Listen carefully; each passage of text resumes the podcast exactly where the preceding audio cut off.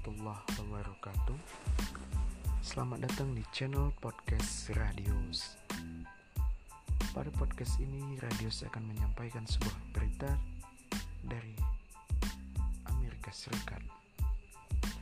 Diduga kalang kabut Donald Trump dan sekutu lakukan taktik untuk singkirkan kemenangan Joe Biden.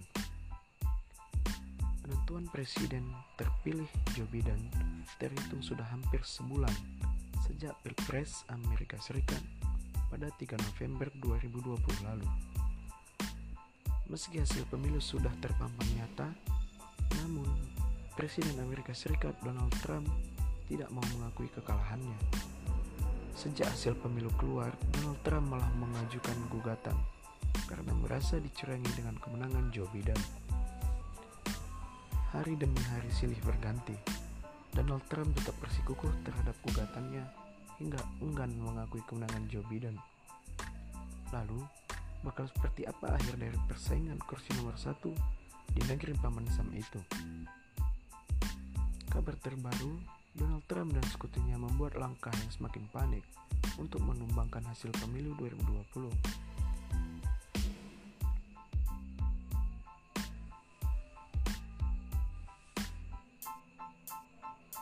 sebagaimana diberitakan. Mereka memanggil legislator negara bagian ke Gedung Putih sebagai upaya untuk menggulingkan presiden terpilih Joe Biden.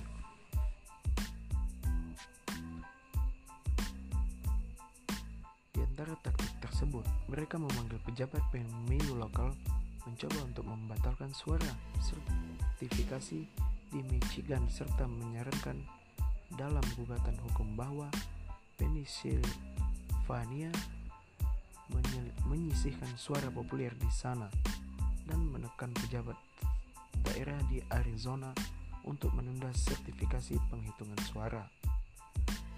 Pasar hukum pemilu melihat kampanye Trump tersebut terengah-engah dan mengatakan Joe Biden pasti akan menjabat sebagai presiden pada Januari 2021 mendatang. Namun, Trump dan sekutu tersebut dikhawatirkan merusak kepercayaan publik terhadap integritas pemilu Amerika Serikat. Sangat memprihatinkan bahwa beberapa Republikan tampaknya tidak dapat memahami kemungkinan bahwa mereka secara sah kalah dalam pemilihan ini, kata Joshua Douglas, seorang profesor hukum di University of Kentucky kita bergantung pada norma demokrasi, termasuk yang kalah dengan senang hati menerima kekalahan, ujar Joshua. Badan Keamanan Pemilu Trump sendiri telah menyatakan pemilihan presiden 2020 sebagai yang paling aman dalam sejarah. Beberapa hari setelah pernyataan itu dikeluarkan, Trump memecat pemimpin agensi tersebut.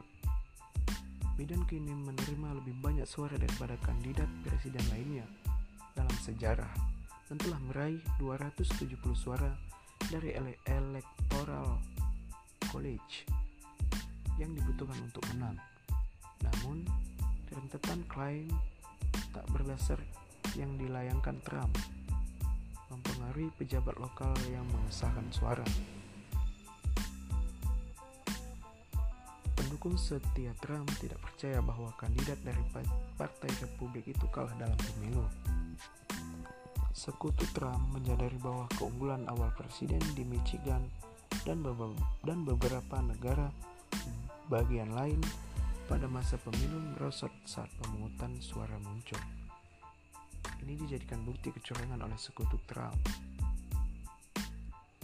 Faktanya, Biden mengalahkan Trump di Wayne County kubu Demokrat yang mencakup Detroit dengan selisih lebih dari 2-1. Sekian berita dari channel podcast Radius. Sampai jumpa di berita-berita podcast Radius lainnya. Sampai jumpa. Assalamualaikum warahmatullahi wabarakatuh.